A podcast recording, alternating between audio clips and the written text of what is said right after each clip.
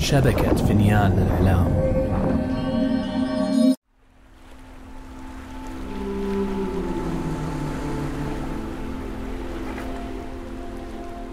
القدر.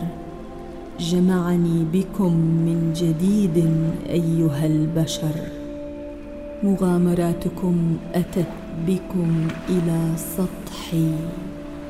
لستم الأوائل. لا قد أتاني هو من قبلكم. أتعرفون عن السندباد شيئا؟ هم لعلي أخبركم إحدى حكاياته. استيقظ سندباد بابتسامة مرسومة على وجهه بعد الاحتفال ثم صعد إلى سطح السفينة وهو يدندن ألحانا بانسجام. إنه صباح رائع. أليس كذلك؟ التف السندباد ليجد طمطم متجها نحوه مرتديا قناعا مزخرفا. من أين أتيت بهذا القناع؟ أليس هذا أحد أقنعة أصحاب المسيرة من البارحة؟ أجل. أعطتني إياه إحدى نادلات كبائن الطعام. ألهذا اختفيت بين الحشود؟ ظننا أنك عدت للسفينة كي تنام. أنت تعرفني يا سندباد.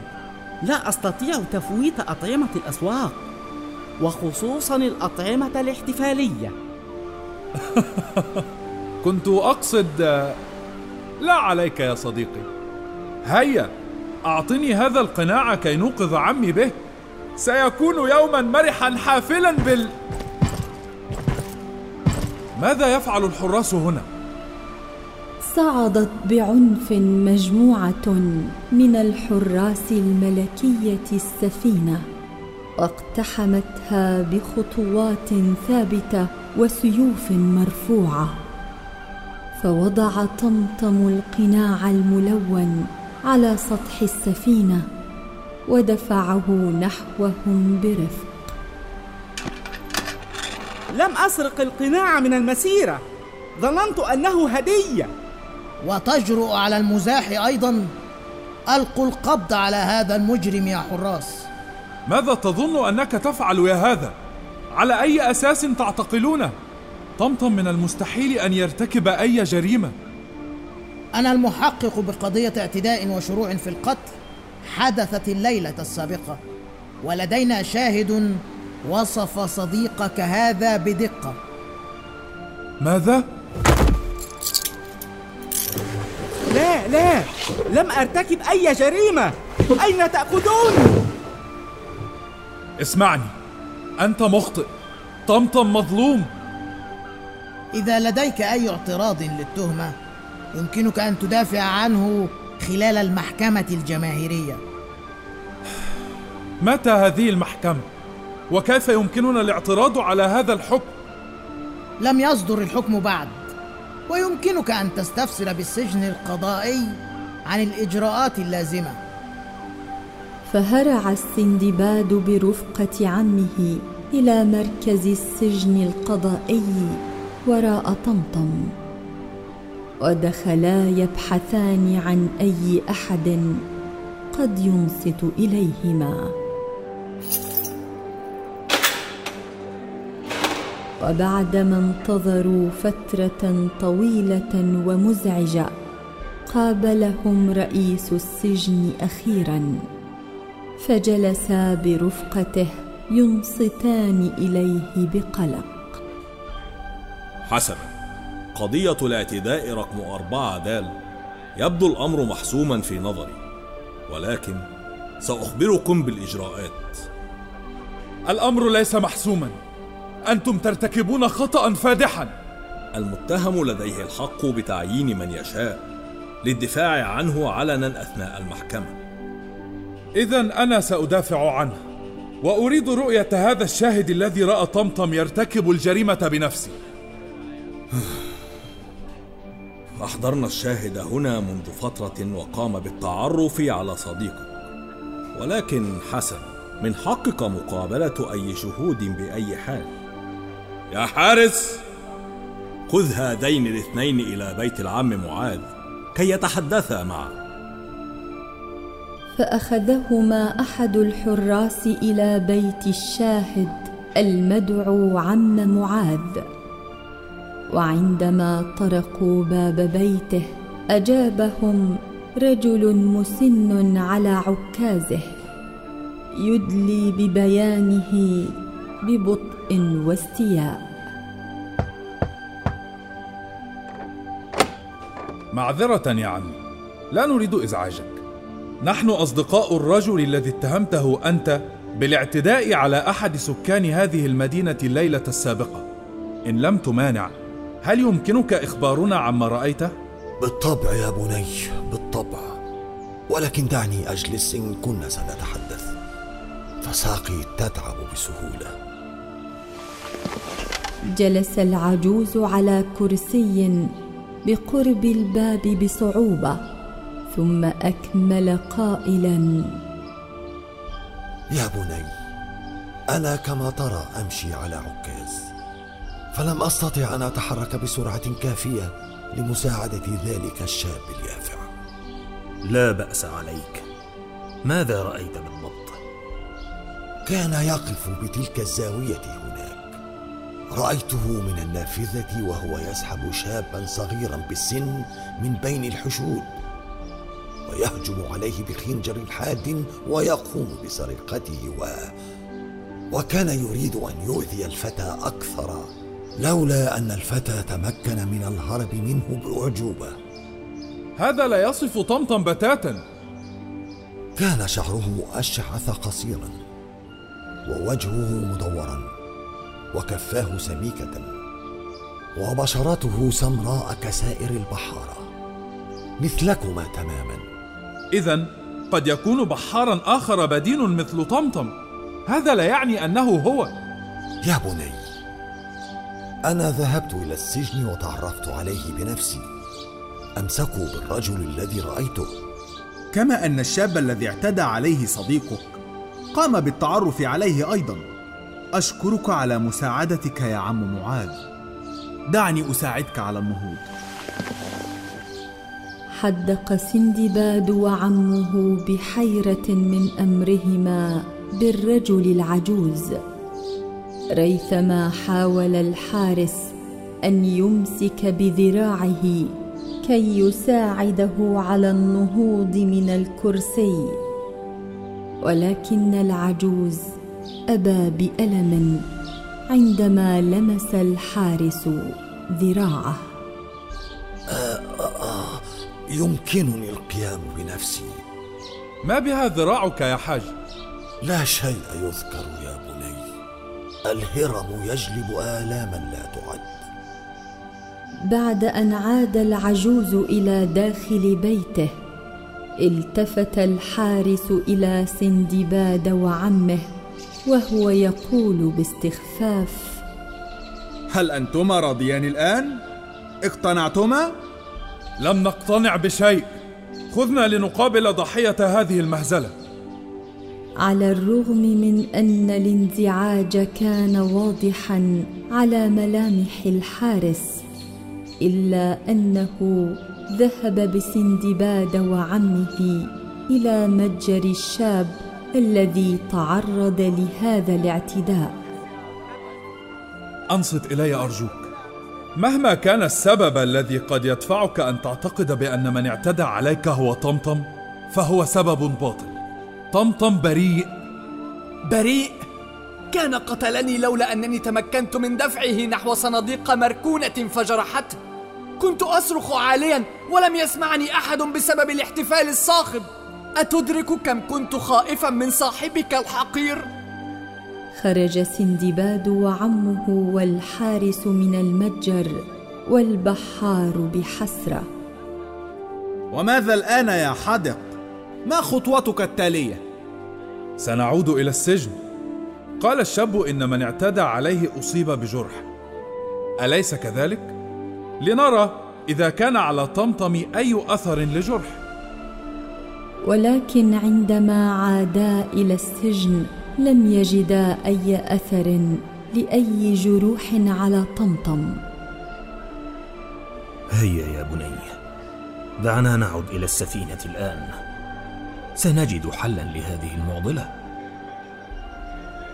إلا أنهما لم يتمكنا من إيجاد أي حل رغم أنهما أمضيا الليلة بأكملها وهما يحاولان التفكير بشيء. وبحلول الفجر واقتراب موعد المحكمة نهض السندباد وجاء لمغادرة السفينة فأوقفه عمه متسائلا. إلى أين أنت ذاهب؟ ستبدأ المحكمة خلال ساعة. سأذهب للتحدث مع الرجل العجوز مجددا قبل أن يذهب للمحاكمه إذا بدأت المحكمة قبل أن اعود قم بالمماطلة. وبعد دقائق كان السندباد يطرق على باب العجوز مرة أخرى إلا أن الرجل لم يجب فورا. فطرق البحار مرة أخرى وبعد فترة فتح الشاهد له الباب متكئا على عكازه. آه.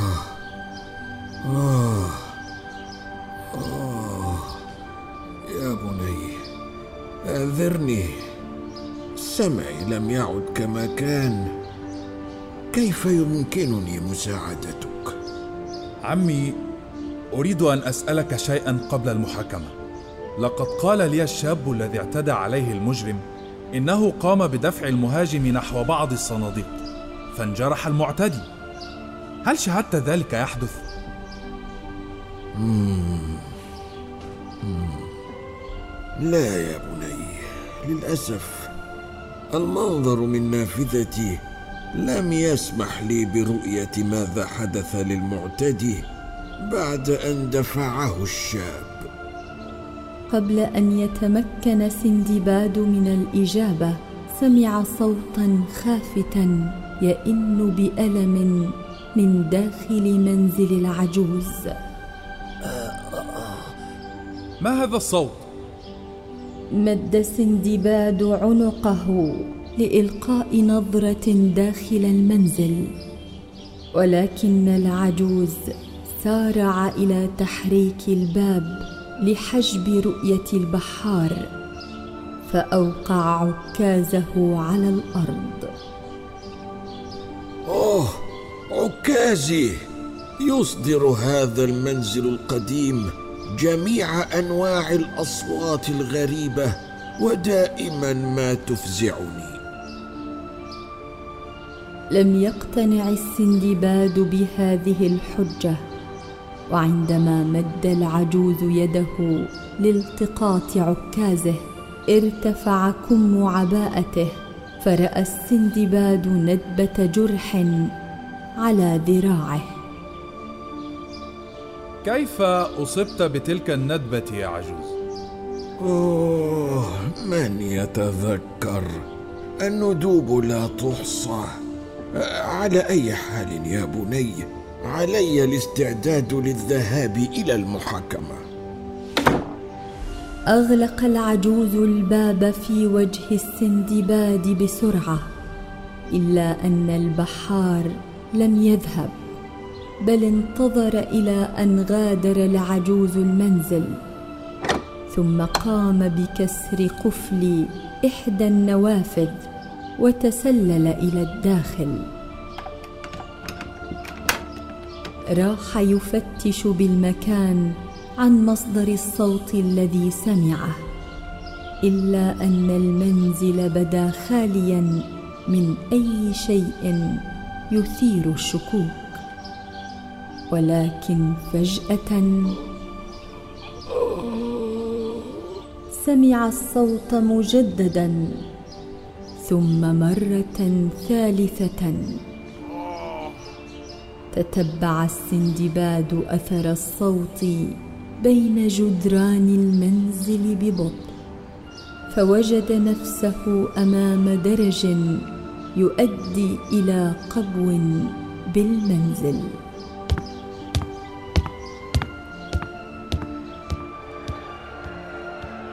في تلك الأثناء كانت قد بدأت المحاكمة فلبى عم السندباد طلب سندباد المفاجئ ولكنه ارتبك عندما وجد نفسه جالسا في قسم مخصص للدفاع عن المتهم طمطم أمام مجلس كامل من القضاة في ميدان المدينة. بينما وقفت الجماهير الغاضبة حول ساحة العدل تنتظر الحكم. قيام. حينها كان سندباد قد فتح باب القبو في منزل العجوز ليكتشف غرفة ضيقة ومظلمة. وبمجرد أن خطى خطوة إلا وكاد يقع في حفرة عميقة محفورة في الأرض. اقترب السندباد إلى حافة الحفرة لينظر إلى قاعها حيث انصدم ليجد الرجل العجوز جالسا يئن بألم. كيف؟ لقد رأيتك بنفسي تخرج من المنزل لحضور جلسة طمطم. من؟ من هناك؟ أنقذني أرجوك. أنقذني قبل أن يعود. تلك الأثناء في الجلسة كان عم سندباد ما زال يماطل باستجواب العم معاذ الواقف على منصة الشهود. بأسئلة مرتجلة. يا عم معاذ الكريم هل أنت متأكد مما رأيته؟ أنا رأيت أسخف المخلوقات وأضعف الأطفال تتغلب على طمطم. انظروا إلى وجهه. هذه ليست تعابير بلاهه إنها تعابير أبله ساذج تماما. كان أوه. كم مرة ستسألني السؤال نفسه قلت لك إنني متأكد لقد آتيتكم بالحقيقة يا سادة كيف؟ العم معاذ اثنان منهم؟ ما الذي يحدث؟ ظهر سندباد من بين الجماهير المتجمعة حول الساحة والرجل العجوز الحقيقي متكئ على كتفه أمام مرأى الجميع. هذه الحيلة كيف يوجد اثنان من العم معاذ؟ اشرح ماذا يحدث الآن. هذا هو العم معاذ الحقيقي بجانبي. والذي على المنصة هناك هو محتال.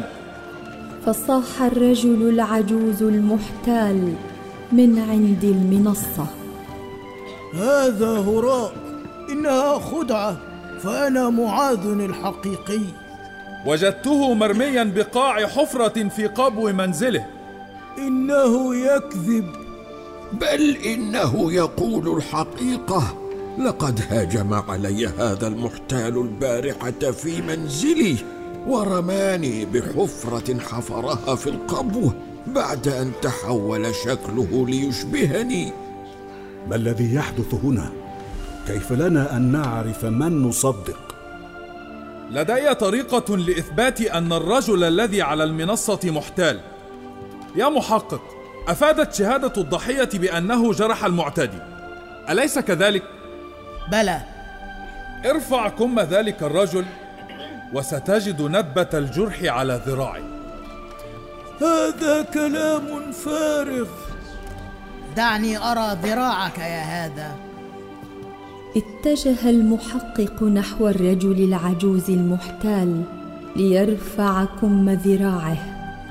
فسحب الزائف سيف أحد الحراس وتراجع إلى الوراء بخطوات سريعة ورشيقة.